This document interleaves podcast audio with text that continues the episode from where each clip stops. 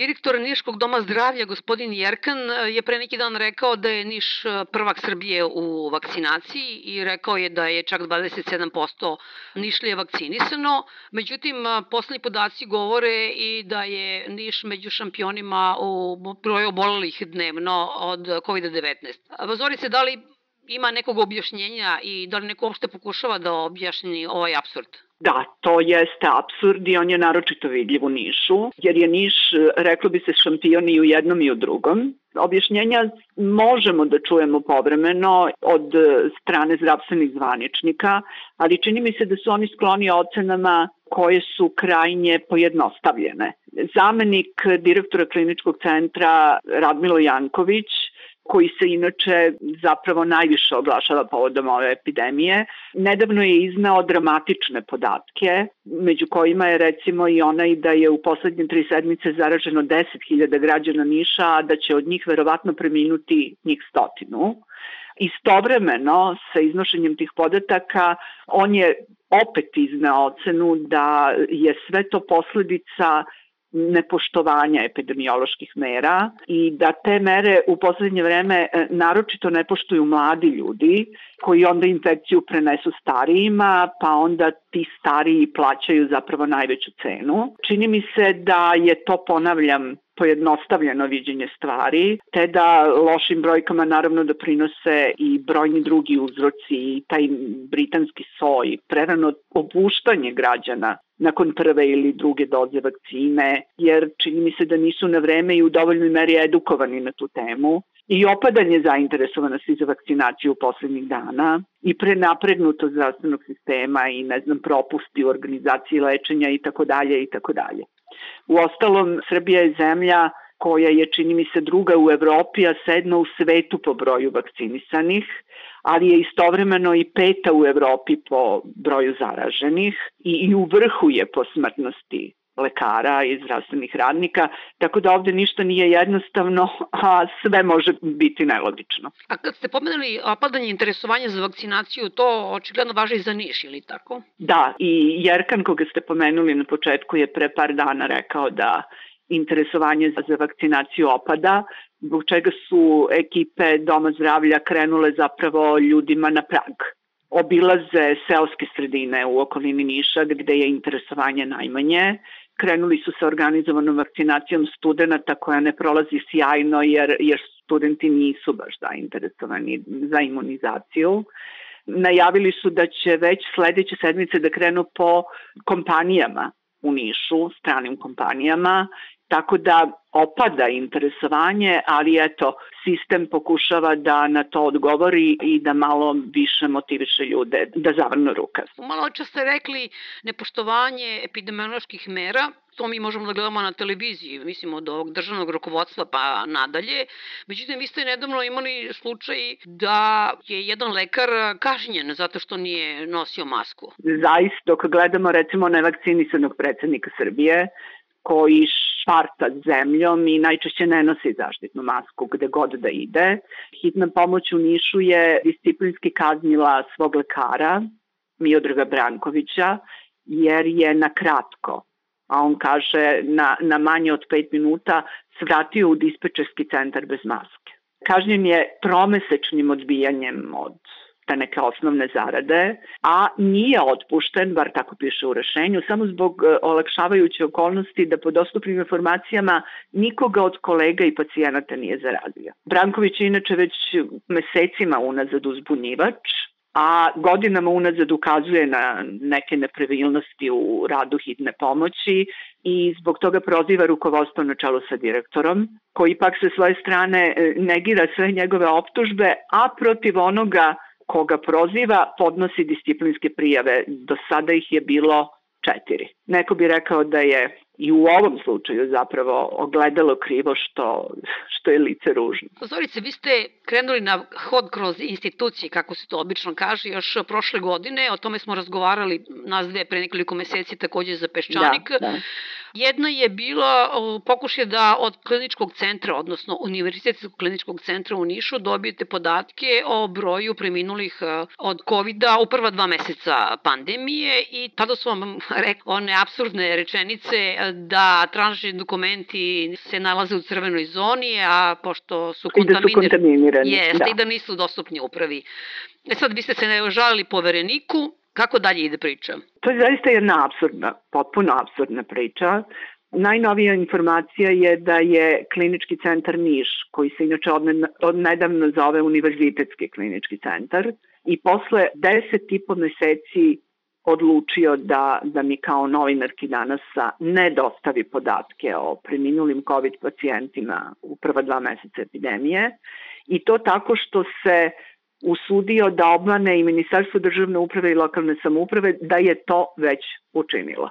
UKC je naime nedavno netačno izvestio Ministarstvo državne uprave i lokalne samouprave da je postupio po tom rešenju poverenika za informacije od javnog značaja, koji mu je naloženo da mi hitno dostavi kopije dokumenta sa podacima o umrlim, obolelim i testiranim pacijentima u, u prva dva meseca epidemije. Kao dokaz da je to navodno učinio, Univerzitetski klinički centar je ministarstvo priložio nekakvu povratnicu o urednom uručenju pošiljke kojom su mi informacije navodno dostavljene.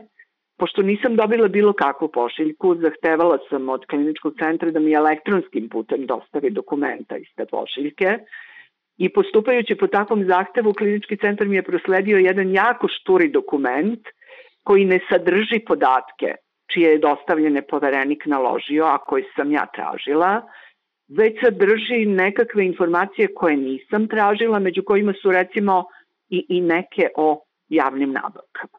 Samo ću da, da podsjetim da je Univerzitetski klinički centar tri puta odbio da mi dostavi dokumentaciju sa ovim podacima, to čak i onda kad mu je poverenik za informacije od javnog značaja u svom rešenju zapretio novčanom kaznom. U jednom slučaju je on ignorisao zahtev, u drugom slučaju je rekao da je ono što ja tražim komplikovano i zahteva puno vremena, a u trećem slučaju uradio ono što ste vi rekli, dakle dao nekakvo objašnjenje da se dokumentacija nalazi u crvenoj zoni i da je kontaminirana. Samo bi se vratila jednog časa na ulogu poverenika za informacije od javnog značaja. Ono što je zapravo tu obeshrabrujuće jeste i ta jedna igra, jedan zatvoreni krug koji je napravljen. Dakle, poverenik naloži njima da oni vama dostave podatke, oni to učine, poverenik treba da im e, odredi novčanu kaznu, a onda poverenik traži od e, Ministarstva financija, od Uprave za trezor, podatke o godišnjem prihodu da bi mogao da odredi kaznu, a onda vi kažu ne, mi to nemamo. Da, upravo tako i vi na kraju ostanete bez informacija, a institucija koja očigledno izbegava da, da vam te informacije dostavi, ostaje bez ikakve sankcije. I, I to omogućava aktuelni zakon. Odavno smo shvatili da je haos u velikoj meri organizovan. Dakle, napravite takav sistem gde postoje institucije koje jedna drugu sapliću da bi na kraju se čovek vratio na početak, odnosno na nulu, jeli? Da. Meni je recimo ovih dana stigao i najnoviji odgovor Niškog pogrebnog preduzeća Gorica, u kojem to preduzeće kaže da nema podatke, odnosno evidenciju o tome koliko su metalnih kovčega prodali za sahranjivanje zaraženih pacijenata u periodu od, čini mi se, marta do avgusta prošle godine, jer sam za taj period tražila podatke. Odgovor je stigao nakon najnovijeg rešenja poverenika kojim se Gorici nalaže da mi te podatke dostavi ukoliko ih posjeduje. Gorica mi je i prethodno odgovorila da nema podatke, odnosno evidenciju o broju sahranjivanja koja su realizovana uz primjenu to neke procedure koja važi za sahranjivanje preminulih od zaraznih bolesti. Ja sam se naravno na to žalila povereniku takođe i u žalbi izrazila sumnju da, da je takav odgovor istinit, a poverenik me je obavestio da nema nadležnost da proverava istinitost navoda u odgovorima institucije. Zaista je negde prilično neverovatno da vam javno preduzeće odgovori da nema evidenciju, da nema pisani trag o onome što prodaje ili onome što radi, a da vi ne možete ni da obezbedite tražene podatke, a ni da dokažete da to preduzeće ne govori istinu kada kaže da ne posjeduje informacije o sobstvenom poslovanju. Na to verovatno poverenik kaže ja to više ništa ne mogu da uradim, je li? O, upravo tako. upravo tako. Da. Videla sam da je to najnovija vest da je vaša gradonačelnica, znači Dragana Sotirovski, koja je nekadašnja naša koleginica, ali tako, 90-ih je radila gde drugde nego na radio televiziji Beograda ili Srbije, koja je sada eksplicitno rekla da postoji neki dogovor u gradskoj upravi da se e, ne razgovara sa medijima koji manipulišu informacijama, kako ona kaže. Da, ona je juče rekla da internet portal Južne vesti, kao i neki drugi portali i štampani mediji, koji inače nije imenovala, neće dobijati odgovore na postavljena pitanja, jer, e, kako je rekla, e, izvlače iz konteksta i komentarišu odgovore u svojim tekstovima. Ona je obznanila, da tako kažem, ovakvu odluku na pitanje novinarke e, Južnih vesti, koja se interesovala za to zašto iz kabineta gradonačelnika, kao i od gradskih funkcionera i nekih nadležnih službi, nema odgovore na pitanja koje novinari tog portala postavljaju i da li je to negde uobičajena praksa za sve medije u Nišu. Odgovor gradonačelnice Niša bio je da to nije uobičajena praksa za sve medije, ali da jeste uobičajena praksa za one medije koji, kako ste i sami rekli, njihove odgovore navodno zloupotrebljavaju, prenose pogrešno, izlače iz konteksta i komentarišu ih u tekstovima. I vrlo je eksplicit jasno rekla, to smo odlučili i tako će u buduće biti. Juče smo imali reakciju NUNSA koji je oštro osudio ovakvu praksu, negde upozorio da ona predstavlja kršenje zakona o javnom informisanju i medijima, jer znamo da taj zakon jasno zabranjuje diskriminaciju medija i novinara. Ja sam danas e, čula gradonačelnicu jer sam želela da mi pojasni te neke svoje navode. Ona je otprilike rekla da se ovakva odluka ne, ne odnosi na gradske, sve gradske funkcionere, već samo na nju lično i kabinet kojim rukovodi, dakle citiram nje.